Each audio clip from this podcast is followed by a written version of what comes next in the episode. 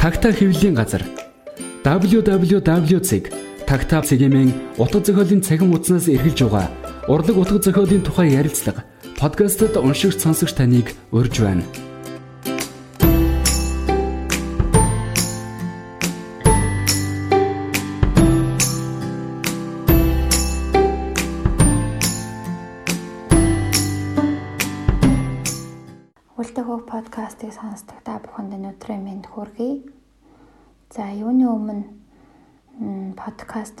Өнөөдөр 21 дахь дугаар нь явж байгаа. Тийм болохоор анзаараад байна яг 20 дугаараа ард гарсан мөртлөө одоо энэ подкастыг голчлон хөтэлдэг. Бигээр бас өөрийгөө танилцуулаагүй байсан байна лээ.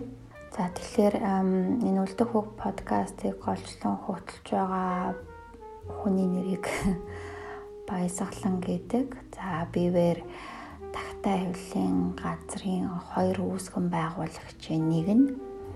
За нөгөө үүсгэн байгуулагч нь бас уран зохиолын орчуулагч, кино критик, жалан ажуун тэгш зайг бүсгүй би. Намайг Бацуурын баясгалан гэдэг. За би бас уран зохиолын орчуулагч, даяарын найрагч, за шүлэг зохиол оролцдог юм хүн байгаа. Мм ягаад өөрийгөө танилцуулах болсон шалтгаанаа хэлэхэд уг нь бол би подкаст хийчээ зөвөр нийтлээд орхичдаг ямар нэгэн сонсогчдын фидбек энэ рүү таардгүй тэгээд 20 дугаарын ард гарч чаад ер нь яаж вэ гэд харахад бас зарим нэгэн дугаар дээр манай сонсогчд жаахан буруу ойлгосон юм шиг ганц нэг коммент сэтгэгдэл байсан. Тэгээ тэр буруу ойлголт өгснөө бас залруулах үүднээс өөрийгөө ингэж танилцуулж байгаа. Тэр нь юу вэ гэхлээр манай үлдээгүүг подкаст тэр хоёр төрлөөр явдаг. Нэг нь гаднаас зочин ураад одоо орчуулагч соёлын цэцгэлцэн нэргүй ахыг ч юм уу, соёлын цэцгэлцэн орчуулагч гомсор ахыг ч юм уу, эсвэл зохиолч те соёлын цэцгэлцэн аюур зэн ахыг ч юм уу За тэгээд залуу яруу найрагчтай урантайгоос муу Батбаяр, Илбэг төгс, Дэлгэрмаа гэх мэтчлэнгийн залуу яруу найрагчтай урьж оролцуулсан юм гадны зочдыг урьж оролцуулсан тэдэнтэй уран бүтээлийнхэн тухай ярилцсан ийм дугаарууд ярилцлах хэлбэрээр явдаг. А түүний хажуугаар тагтаа хэвлэлийн газраас эрхлэн гаргасан номнуудынхаа тухай бид нар тагтаа авлигын газрын үүсгэн байгуулагчид орчуулагчид уран бүтээлчд нь өөрсдөө зүр хамтарч ярилцдаг. Одоо юу гэдгийг хэлэлцүүлэг маягаар ингэж хоёр янзаар подкаст маань явдаг.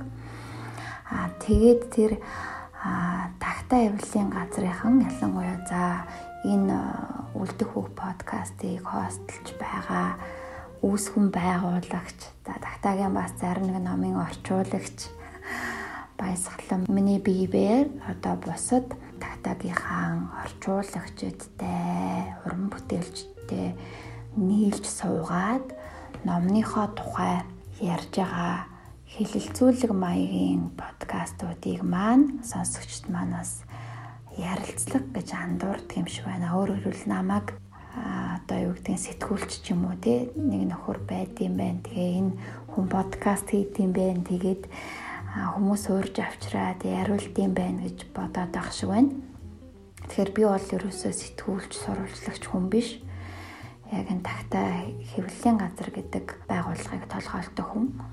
Тэгээд бидний тэр номны тухай ярилцж байгаа подкастууд маань ердөөч одоо хин нэг нэгэ уурж авчраад яриулж байгаа ярилцлага биш харин бид нар хамтран бүтээсэн номоо одоо хэвлэлийн газрын зүгээс миний бие болвол ном бүтээхэд ямар үүрэгтэй оролцдог вэ гэхээр одоо тэгш заяа бид хоёр одоо ямар номыг сонгож авч хэвлэх тэр номоор дамжуулж уншигчдаа, залуучуудаа, түүнэртээ ямар мессеж өгөхийг хүсэж байгаа тий? Энэ бүхний хоорондоо ярилцж байгаад ажилдаг. Тийм болохоор нэгэнт сонголт нь бид хоёрын болохоор тэр сонголт дээр суурилсан яагаад энэ ном нийгэмд өнөөдөр хэрэгтэй гэж яагаад энэ ном Монголд орчуулдаг ёстой гэж бодсон тэр үзэл бодлууд, ихтгэл үнэмшлүүд, хүсэл эрмэлзлүүд нь бас бид хоёрын байдаг. Тэгэхэд дараа нь одоо бид нар энэ номыг хинээр орчуулах вэ гэдгээ ярьж тохиролцож орчуулагчдтай одоо санал болгох эсвэл өөртөө орчуулах юм зарчмаар явдаг. Тийм болохоор хэвлсэн номныхоо тухай орчуулагчтайгаа нийлээд ярьж байгаа подкастууд дээр одоо юу гэдгийг тагтаагийнх нь өөрөөсөө дуугаа байгаа чи орчуулагчтай яриулаач гэдэг ч юм уу эсвэл хөтлөгчин дуугаа байгаа чи зочноо яриулаач гэдэг байр суурнаас хандах нь өөрөө жахан өргөсгөл болоод явж байгаа. Яг бол бид нар ном гэдэг зүйл нэг хүний биш одоо олон хүний хөлмрөөр бүтдэг гэж үзэх юм бол одоо энэ ширээний ард суугаад тагтаагийн номыг ярьж байгаа хүмүүс болвол одоо подкастын хөтлөгч гэлтгүй эсвэл подкастанд номоо ярихаар ирсэн орчуулагч гэлтгүй аль аль нь энэ номын хувьд одоо харилцан тэнцвэртэй бүтээгчт нь юм а гэдэг үүднээс ам уралдан ярилцдаг юм шүү. Тэгэхээр энэ бол хэлэлцүүлэг болохоос зочинтой ярьж байгаа ярилцлага биш шүү. Тэгээ тэрийг олгоорой гэж тэгэхгүй бол одоо ганц нэг хоёр коммент надад бас анзаарчихсан энэ нэвтрүүлэгч нь зочноо яруулаач гэдэг. Тэгээ нэвтрүүлэгч гэдэг байгаа хүн маань өөрөө яг энэ нөгөө номыг сонгож гаргахаар шийдэж орчуулагчтай санал тавьж хэвлэлтийн ард одоо санхүүгийн гэрээ контрактын хууль ёсны одоо бүх хариуцлагыг ингээ өөр дээрээ өөрч тодорхой шийдвэрүүдийг гаргаж одоо энэ номыг та бүхэнд хүргэж байгаа ингэж хүргэхдээ чухам энэ номыг энэ цаг үед манай залуучууд ийм учраас унших хэрэгтэй гэж итгэж зорьсны үндсэн дээр энэ номнуудыг гаргах шийдвэр гаргаж байгаа. Тэр одоо шийдвэр гаргах чинь уран бүтээл чинь өөрөө байдаг учраас тэрэн дугай энэ нь яри энэ нь дугай тэр нь яри гэж хэлэхэд бас хэцүү байдаг. За энийг эхний ээлжинд хэлье. Яг бол 20 дугаарын дараа ямар юм хийгээд байгаагаа бас жоохон бодож байгаа учраас нэг тийм тайлбар хэлье. Хоёрт нь болохоор өнөөдөр миний ярих гэж байгаа гол сэдв болвол тагта прайс буюу тагта утга зохиолын шагнал энэ тухай байгаа. Тэгээд энэ тухай мэдээлэл өгөх. Аа тэгээд энд оролцож байгаа залуучууд юуг анхаарал илүү зохилтой вэ гэдэг талаар зохион байгуулагчийнхаа хуваар ганц нэг зөвлөгөө өгөх ийм зорилготой юм аа. Бид нар Tacta Publishing залуу үеийн орчуулагчид, яруу найрагчид, зохиолчид. Ер нь уран зохиолын тогоон доторх залуу үеийг илүү урамшуулах, хөхүүлэн дэмжих, уран бүтээлийг нь өөрсдийг нь олон нийтэд таниулах, за бүтээл номоо олон нийтэд хүргэх, эндэр орон зайг нь бас олгож өгөх гэх мэтчлэнгийн олон зорилгын үүднээс ийм уралдаанд шагнал 2017 оноос хойш зохион байгуулж байгаа. Энэ шагнал маань одоо дотроо 3 төрөлтэй яруу найргийн орчуулгын хүрнэл зохиолын богино хэмжээний бүтээл буюу өгүүллийн төрлөөр ингэж явагддаг. Тэгэхээр дэлхий дээр маш олон төрлийн утга зохиолын шагнал байдаг. Тухайн жилийнхээс хамгийн шилдэг номонд болгодог одоо Man Booker Prize ч гэдэг юм уу эсвэл бүс нутгийн уран бүтээлчдийг дэмжих зорилготой шагнал ч юм уу? Эсвэл дэлхийн уран зохиолын хөгжилд хувь нэмрээ оруулсан хувь хүмүүсийн амьдралын туршдах амжилтыг нь үнэлэх шагналч гэдэг юм уу? Одоо Нобелийн шагнал гих мэтчлэнгийн юм. Маш олон төрлийн шагнал байдаг. Тэгээд тэрэн дотор одоо бас зөвхөн залуу уран бүтээлчдийг таниулах, сурталчлах, тэдэнд мотивац, цаашид уран бүтээлээ туурах, урам, зориг, талбар гаргаж өгөх ийм зорилготой шагналууд бас байдаг. Тэрний хамгийн алдартай нь гэвэл одоо Японы Акутагавагийн нэрмжч шагнал гэж би. Энэ одоо Акутагавагийн нэрмжч шагнал бол залуу уран бүтээлчдийн анхны номонд холбогдох шагнал байгаа. А тэгэхээр Акутагийн шагналыг 40 настай хүн 50 настай хүн хүртэж болно. А залуу гэж юу гэж томьёолж байгаа гэхээр тэр 50 настай хүн байсан ч тэр хүний анхны ном байх хэвээр. Анхны ном нь одоо шилдгээр шалгаруул тэр одоо зохиолчийнхаа хувьд залуу зохиолч тооцогдоод Акутагийн шагнал авнаа гэсэн үг. гих мэдчлэнгийн олон шагнал байдаг. Тэгээд тагта прайсing алзын хараа болвол бид нэр ялцчгүй накатагийн шагнал шиг уран зохиолын залуу уран бүтээлчдийг хуулан дэмжих юм шагнал байгаа. А тэгээ яг энэ акутагийн шагнал шиг яагаад ингэж номонд тий анхны номонд болгодгүй юм бэ гэхлээр одоо Японч одоо хэдэн сая хүн амтай үлээ Монгол 3хан сая хүн амтай. Бидний зах зээл залуучуудыг намаа гаргаад бай намаа гаргаад бай. Бид нар тэндээс чинь сонгож аваа шагнаад бай гэж хэлэх хэмжээний тийм зах зээл боломж байдаггүй. А зөвхөн номтой хүмүүсийн дунд уралдаан шагналаа явуулна гэх юм бол бидний үйл ажиллагааны хүрээ асар хумигдж а энд оролцох залуучуудын тоо маш их одоо хязгаарлагдах учраас бид нар шилдэг ном гэж тодорхойлж тухайлж шагнадгүй харин шилдэг бүтээлтэй шилдэг шүлэгт шилдэг өгүүлэгт шилдэг орчуулга олгож яа гэж аль болох олон төрлийг хамруулад одоо олон төрлийн авьяастай залуучуудыг уран зохиолын хүрээндээ бас татж оруулж ирэхийн зорилготой шагналаа явуулдаг. За тэгээд шагнал маань уралдаанд шагнал гэж яригдаад байгаа шээ. Тэгэхээр залуучууд маань энэ шагналын төлөө уралдах нь гэж ойлгох хэрэгтэй. А ингэхдээ бид нар бас яг юм тогтсон одоо үйл явц процедураар шагналаа зохион байгуулдаг.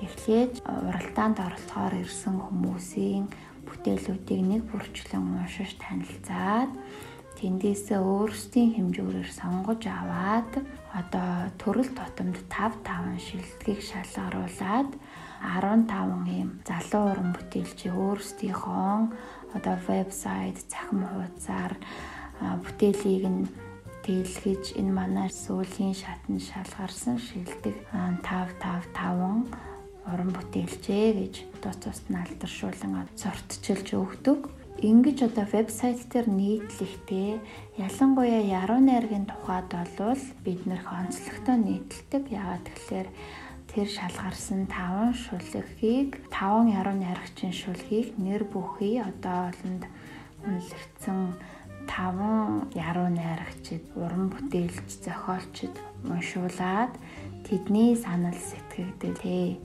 тэдний одоо дүгнэлт сэтгэлдэлтэй нь хамт ингэж нийтэлдэг. Тэгээ энэ нь болохоор бас өөрсдийнхөө зохиол бүтээлийг ямар хуу хэр хэмжээтэй чанар чансаатай яваа юм болоо хүнд яаж ойлгогдож мэдрэгдэж сэрэгдэж байгаа юм болоо гэдгийг уран бүтээлчдээс урмын үг маягаар сонсох юм сайхан боломжийг бас яруу найрагчдад олгодог.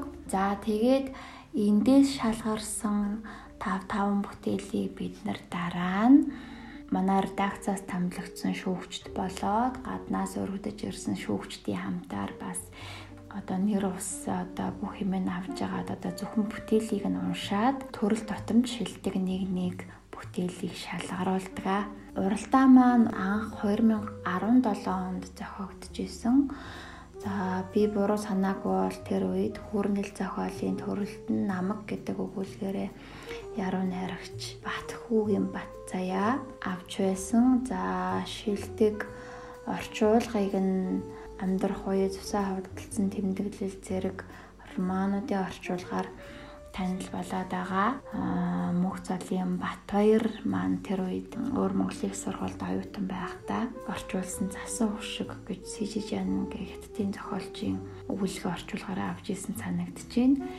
За би бас буруу санаагүй болвол яруу найргийн төрөлд нь амар амгалан гэж залуу шалгарч байсан санагдаж байна. За тэгээ уралдаа маань 2018 он зохиогдоод жилээс жилд одоо уралдаанд оролцогчдын тав асар ихээр өсөж исэн. Бид нар анх ерөн хідэн өгүүлэг авч исэн бол 2018 онд 120 хэдэн хүн өгүүлэг өгч явуулсан. Энэ бол хүрнэл зохиол бичдэг залуу үеийн 120 хүн байна гэж бодох болвол бидэнд одоо маш их цочор сонирн байсан. Бараг хүрнэл зохиол буюу өгүүллийн төрлөөр бүтээлийн эрүүлдэг хүмүүсийн тоон яруу найргийн бүтээл эрүүлдэг хүмүүсийн тооноос ер нь жилийн жил дандаа их байдаг.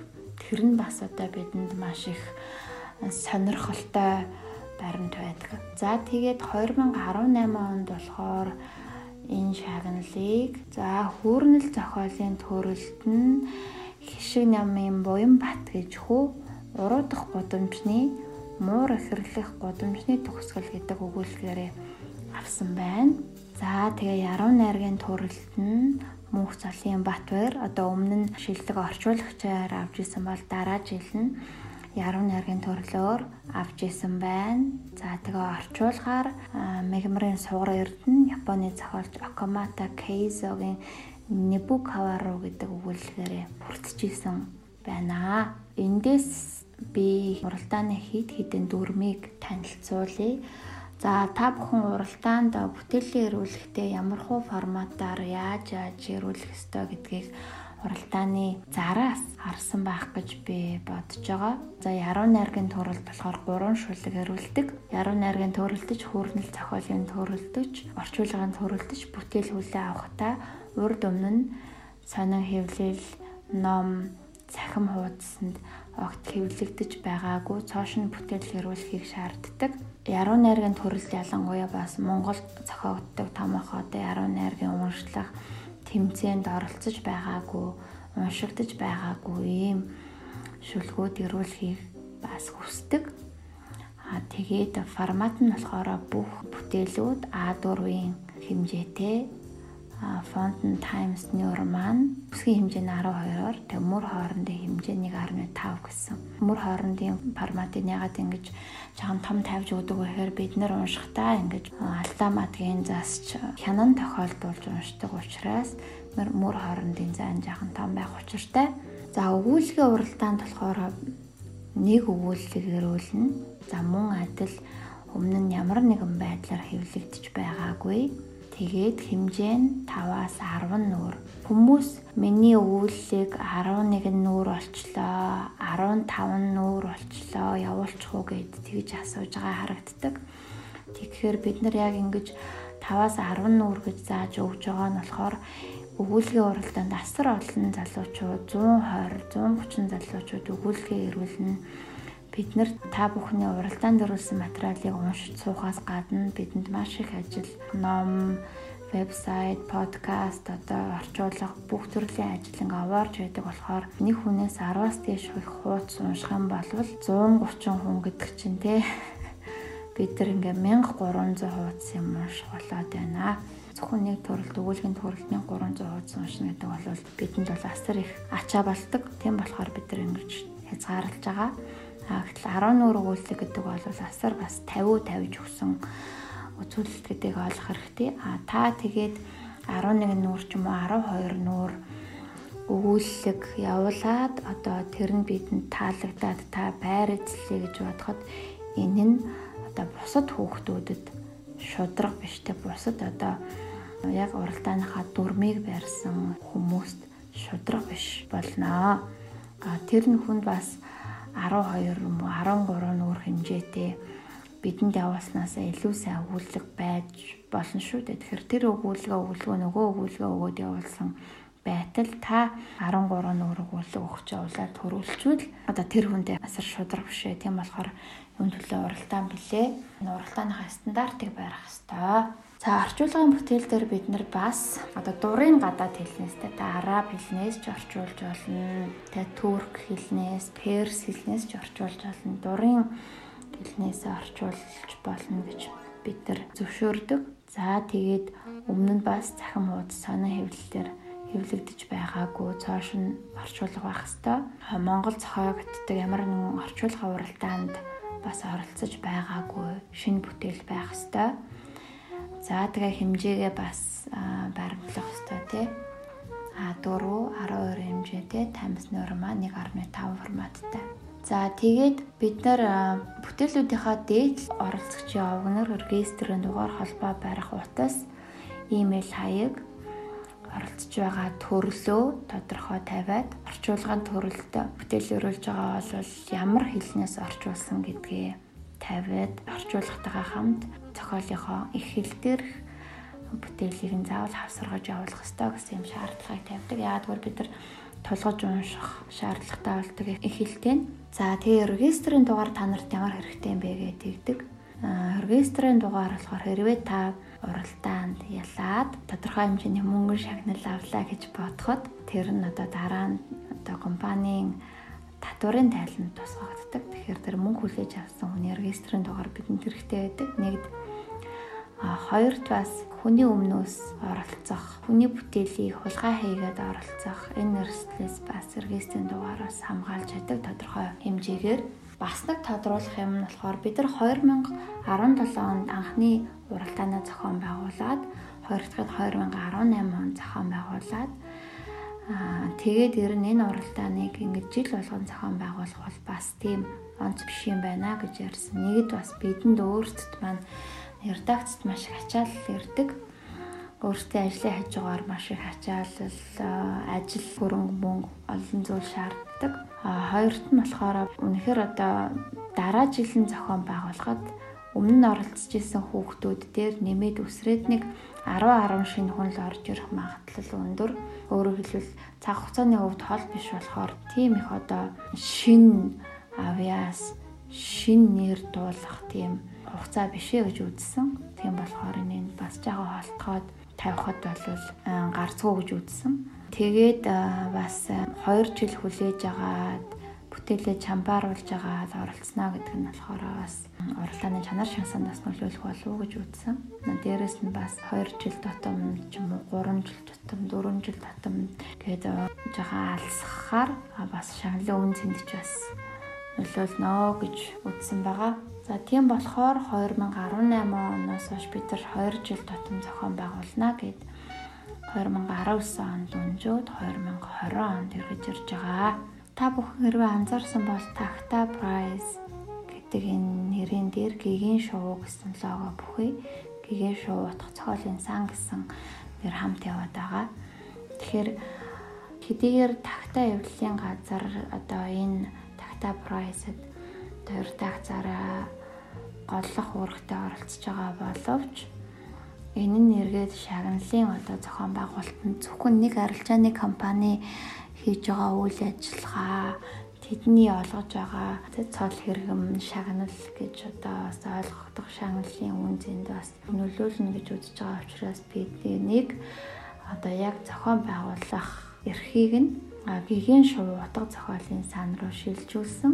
Бид бол энд хэвлэн нийтлэх, сурталчлан таниулах за одоо редакцийн бусад хүчээрээ ингэж хавсарч оролцсон.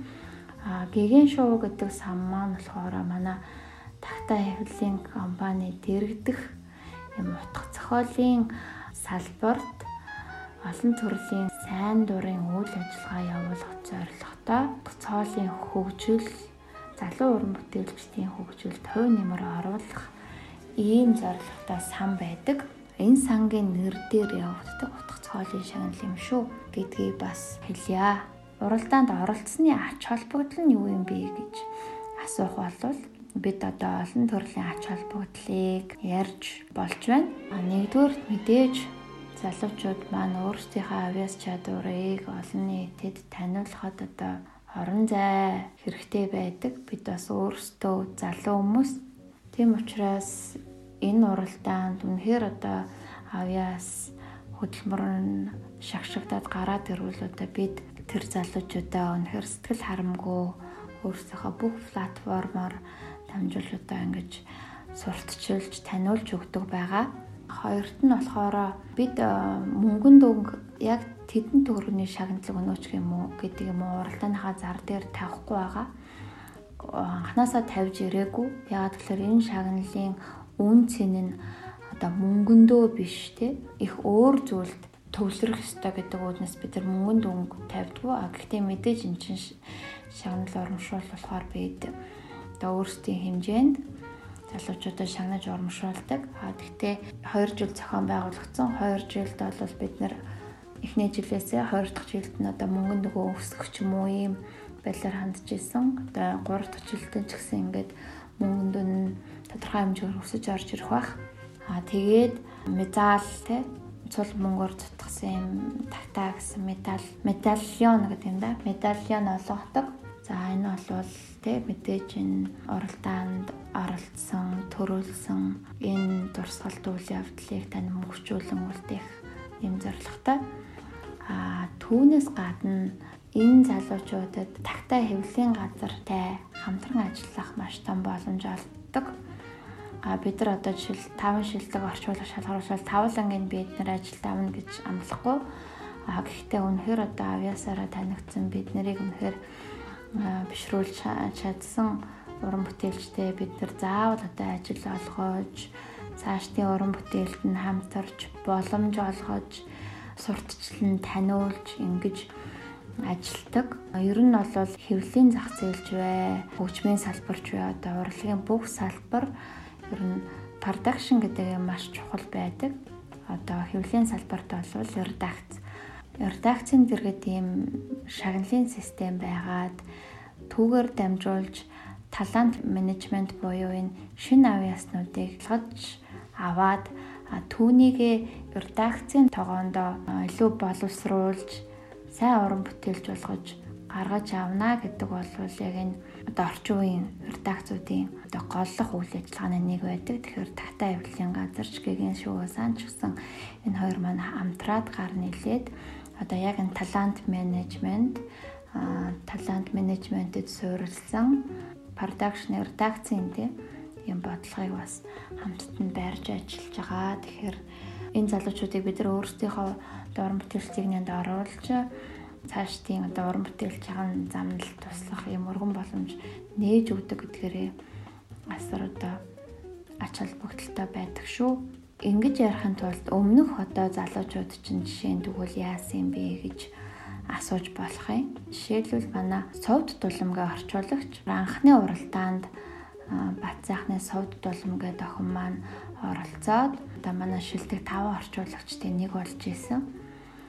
Тэгээд энэ уралдааны дараа одоо манай хэвлэлийн газрын аль бие усны орчуулагч болоод за та бүхэн сайн мэдэх Франсуаз Саганы сайн уу гуниг минь за Ян Мартлийн Пигийн амьдрал гэх мэтчлэнгийн туу журмануудыг орчуулад энэ хоёр зохиол нь тэр жилдээ одоо Монголын зохиолчдын эвлэлээс олгодог Алтан өд оны шилдэг утга зохиолын бүтээл шалгаруулах наадамд суудлан маань энэ хоёр номынхоо орчуулгаар шалгараад Алтан өдийн шагналт орчуулагч болсон байдаг дараа нь сувдулан маань Татай авилын газраас эрхлэн гаргасан Туркийн зохиолч Орхон Памукийн намтар дурсамжийн Истанбул дурсамж ба хот гэдэг томоохон бүтээлийг бас орчуулсан. Яг одоо бас хэдхэн хоногийн дараа та бүхний гар дээр Туркийн зохиолч Элиф Шафакийн хайрын 44 гэдэг роман очих байгаа. Тэр романыг бас манай совд дулан маань орчуулсан. Тэгэхээр ингээд яг энэ уралдаанаас хойш бид нартэй хамтарч ажиллаад одоо 3 жилийн хугацаанд энэ хүмүүс маань ингээд дөрвөн том бүтээл дээр ажиллажсэн мундаг сайн орчуулагч болж амжсан байна. Тэгэхээр энэ бол одоо манай тагта прайсын бас нэг бахархал одоо бидний ажлын маш том үр дүн үзүүлэлт гэж бид бахархдаг. За мөн тагта утга зохиолын шагнал 2017 онд анх зохиогдоход шилдэг орчуулагчаар шалгарч байсан. 2018 онд шилдэг яруу найрагчаар нь бас дахин шагнагдаж байсан. Мөнх цолын Батөр гэх залуу байгаа. Энэ залуу маань дараа нь одоо тагтаагийнхаа бас сувдалмын адил аль бие усны орчуулагч болоод та бидний сайн мэдэх одоо юухагийн амьдрах үе гэж бэсрэг роман за бас мөн зохиолчийн цусаа хөдөлсөн түүх гэдэг ийм том хэмжээний роман ийм хоёр романыг одоо аль хэдийн орчуулад уншигчдтай хүргэчихсэн. Одоо энэ номууд нь болохоор шилдэг борлуулалтын номуудыг тэргүүлээд явж байгаа. Тэгээд Батөр манай сайхан өртөлтөөн дээр хэлэгдэг үгс гэдэг 10 найргийн түүрээ бас гаргаад амжсан. Одоо Батөр маань одоо манай тагтаа авилын газрын одоо редактор орчуулагчаар ажиллаж байгаа. Мегмарын суурын эрдэнэгээд 2018 оны уралдааны маань шилдэг орчуулагч хүн байгаа. Поинтлнес орчуулсан өгүүлгээрээ шилдэг орчуулагч болж исэн. За энэ хүн маань гэхэд одоо манай хөвлийн газраас эрхлэн гаргасан Булгаковын нохойн зүрх гэдэг туужийг орчуулсан байгаа. За тэгээд 2018 онд орчуулгын бүтээлээрээ бас оролцоод шилдэг 5 орчуулагчийн нэг болж исэн Пүрүсөрнгийн бат тогтох гэж залуу маань одоо дараа нь манай хөвлийн газраас эрхлэн гаргасан Чехийн зохиолч Богомел Храбалын Дутлан айсуу галт тэрэг гэдэг туужийг бас орчуулж уншигчдтай хүргэсэн. Тэгээд энэ ном бүтээлээр уншигчдтай дахиж уулзсан. За тэгээд 2018 онд манай урлагийн шилдэг орчуулагчдын нэг болж исэн. Даш цэрэнгийн мөнх шиг гэдэг охин маань бас аа манай хэвлэлийн газраас эрхлэн гаргасан одоо Сартер, Ницше, модернизм гэх мэтчлэнгийн философийн жижиг цувралууд гарчсан. Тэрийг бас орчуулсан байдаг. Гэх мэтчлэнгээр бид нар одоо ингээд энэ залуучуудтайгаа маш одоо эргэх холбоо сайтай ингэж хамтарч ажилладаг байгаа. Тэгэхээр уралдаанд оролцохын ач холбогдол нь ийм шүү. Бид нар одоо нэг уралдаан зарлаад тэгээд таныг сайн байна гэж магтаад ганц шагнал өгөөд тэгээд алга болчтгүй. Цаашдын уран бүтээлийг чинь өсгөж хөгжүүлэх таны нэрийг гаргахад ямагт одоо хамтарч хүчээж ажилладаг байгаа. Уралдаанд ер нь ямар хөө бүтээл илгээвэл илүү одоо төрүүлэх магадлалтай вэ гэдэг юм уу те? Ингэж асуудаг. Бидний зүгээс зөвлөж чадах юм гэвэл та хэрвээ тагтаа хэвлэлийн газрын гаргадаг номуудыг ерөөхдөө мэдэх болвол энэ хүмүүсийн уран зохиол, утга зохиолын, урлагийн таашаал нэр нь ямар хуу юм бэ? Ямар хуу зүгэй юм онцолж таашаадаг хүмүүс юм бэ гэдгийг ерөөхдөө гадарлаад авчих бах. Тэр нь болохоор тагтаа авлын газраас гаргасан номуудыг харж байгаа л яг тэд нартай найдлахын тулд төстэй юм бичээд ирнэ гэсэн үг биш. Ерөөхдөө уран зохиол гэдэг зүйлийг энэ хүмүүс ер нь аль нь зохиос нь илүү ингэж ойшоош таашаадаг юм бэ гэдгийг нэг тийм багцаалаад мэдчихвэл бас танд илүү төхөмдөө авах гэж зүгээр миний зүгээс бодож байна. Хоёрт нь бас те энэ манай хэвлэлийн газрын тагтаа цэгмэн гэ вебсайт байж байгаа. Энэ вебсайт дээр орохоор гигэн шуу сан гэсэн дид хэсэг байгаа. Тэгээ энэ гигэн шуу сан гэсэн дид хэсэг дээр одоо өмнөх уралдаануудын шилдэг бүтээлүүд, шилдэг шүлгүүд, шилдэг орчуулгууд байж байгаа. Тэгэхээр тэр одоо ямархуу шүлгүүд, ямархуу өгүүлбэрүүд, ямархуу орчуулгууд төрүүлсэн байна. Тэрийг бас харахад гимгүү. Бүр 2017 оны анх зохиогдчихсэн уралдааны шилдэг бүтээлүүд маань энэ гэгэн шувуу сан дотор биш. Гэгэн шувуу сангийн хажууд бусад гэсэн дид хэсэг байж байгаа. Тэр бусад гэсэн дид хэсэг дотроос Фройдын сүүдэр гэсэн яг ийм залуу уран бүтээлчдийн уран бүтээлийг сурталчлах зорилготой орно гэжсэн булан байдаг. Тэр дотор манай анхны уралдааны аваргуудын бүтээлүүд байж байна. За тэгээ ингээд ерөөхдөө хараад уур амьсгалын ч юм уу те ерөөхий хандлагыг бас мэдэрчж болох нь гэж ойлгож байна. За хоёрт нь мэдээж орчуулгын чанар гэдэг бол хамгийн эхний шалгуур тий одоо орчуулгаар ярихад орчуулгын чанар ямар ч бүтээл байраад авсан түүнийг одоо найруулга утга агуулга одоо ур хийцэн хувьд тэр гарамга хийсэн байвал тэр орчуулагчийг бид нар яах аргагүй одоо ингээд олж анзаараад нэрлэхээс аргагүй тэрнийхээ хажуугаар бас та бүхэн зөвлөхөд ямар бүтээл сонгож орчуулах вэ гэдэгтээ нас эрэхтийн бодлоготой хандаарай гэж хэлмээр байна. Сайн зохиолчийн сайн бүтээл, чансаатай бүтээлийг орчуулсан байх тусмаа одоо таны анзаарах нэлүү гэж би зөвлөмөр байна. Зарим хүүхдүүд маань одоо андуураад зүгээр нэгэн блогийн пост ч юм уу эсвэл нэг аяллийн тэмдэглэл эсвэл зүгээр л нэг интернет дээр байгаа тэмдэглэл маягийн ямиг аваад орчуулад явуулсан байдаг. Тэрийг одоо бол мянга одоо сайн орчуулсан байгаад ч бас дүгнэж цэгнэхэд айгүй хэцүү. Зохиолын хүндрэл ямар хөө хүнд зохиол орчуулсан юм бэ гэдгийг мэдээж бид нар бодож тооцоолж үзэх зайлшгүй шаардлагатай. Үнэхээр л одоо хөнгөн эмийг гэл сэтгэл сайхан орчуулж үнэхээр хүнд эмийг бас тэ хүндрэлтэй туулаад гарах хоёрын бас ялгаа зурууг нь бас харахад их хэцүү.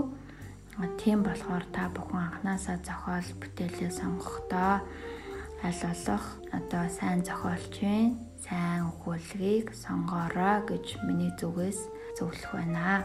За орчуулга дээр нэг тиймэрхүү. За яруу найргийн бүтээл дээр за нэг ямархуу юм эднэр одоо ингээд таашаад байдаг юм а гэдгийг одоо манай вебсайтнаас ороод ингээд тандаад те үзүүлэх зүгээр бах. Аа тэгээд а тэгээ яруу найргийн бүтээл дээр аль болох одоо өөрийнхөө оригинал байх тусмаа сайн гэсэн үг одоо бусдын шүлгийг дуурайсан хэн нэгний мөр бадгийг зээлсэн ийм шүлгүүдийг бас зэрхүү шинд дандаа уран бүтээлчд байдаг болохоор хараад л мэднэ гэдгийг бас хэлмээр байна. Аа тэгээд яруу найргийн бүтээлд одоо хідэн хуудас дамнсан найруулал маягийн юм явуулчих юм ч бас байдаг. Та төрөл жанр нь одоо яруу найргийн тий. Тэгээ ялангуяа шүлгэн уралдаан шүү гэдгийг бас бодолцож үзээрэй. Бүрнэл зохиол дээр болохоор хүүхдүүд заримдаа андуураад яг нөгөө хөгжүүлгын тухай ярьдаг шиг одоо өөрийнхөө блогийн нэг постыг ч юм уу эсвэл нэг өдрийн тэмдэглэлийнхаа хэсгийг ч юм уу тгүүлчин тэмдэглэл маягийн юм ч юм уу их мэтчлэн юм жанр андуурсан бүтээлүүд одоо бас эрүүлээд байдаг. А тийм болохоор хөрнөл зохиол дээр аль болох бүрэн хэмжээний яг одоо утга зохиолын төрөл жанрын хувьд яг өгүүлэг гэдэг энэ жанрыг барьсан ийм бүтээлээ анханасаа сонгож явуулаарэ гэж хүсэх байна. Сэдвийн хувьд бол юу ч хүч болно. Тэр бол таны өөрийн мэдлийн асуудал. А тэгтээ хүн болгоны байрж авдаг хөвшсөн маягаас аль болох татгалзаад аль болох шинэлэг өөрийнхөөрөө давтагдчихгүй байхыг хичээгээрэй. Бас нэг гол юм нь болохоор өмнө нь орж исэн хүмүүс дахиж орж болох юм уу гэж асуудаг. Энэ бол нээлттэй болно. Бас өмнө нь одоо өгүүллийн төрөлд орж исэн хүмүүс дараа нь орчуулгын төрөлд орж болох юм уу гэж асууж байна. Тэгэхээр бас болно өмнө нь өгүүлгээр орж исэн бол өнөөдөр орчуулгаар маргааш шүлгээр яаж ч орж болно. Та өмнө нь өгүүллийн төрөлд хүч үзэжсэн бол энэ жил дахиад өгүүлэлттэй хүч үзсэн ч болно. Энэ бол таны хязгаарлах ямар ч юм байхгүй. А за тэгэд нэг хүн 3 төрөлт юм уу 2 төрөлт бүтээлээ өгж болох уу гэж асууж байна. Энэ бас боломжтой.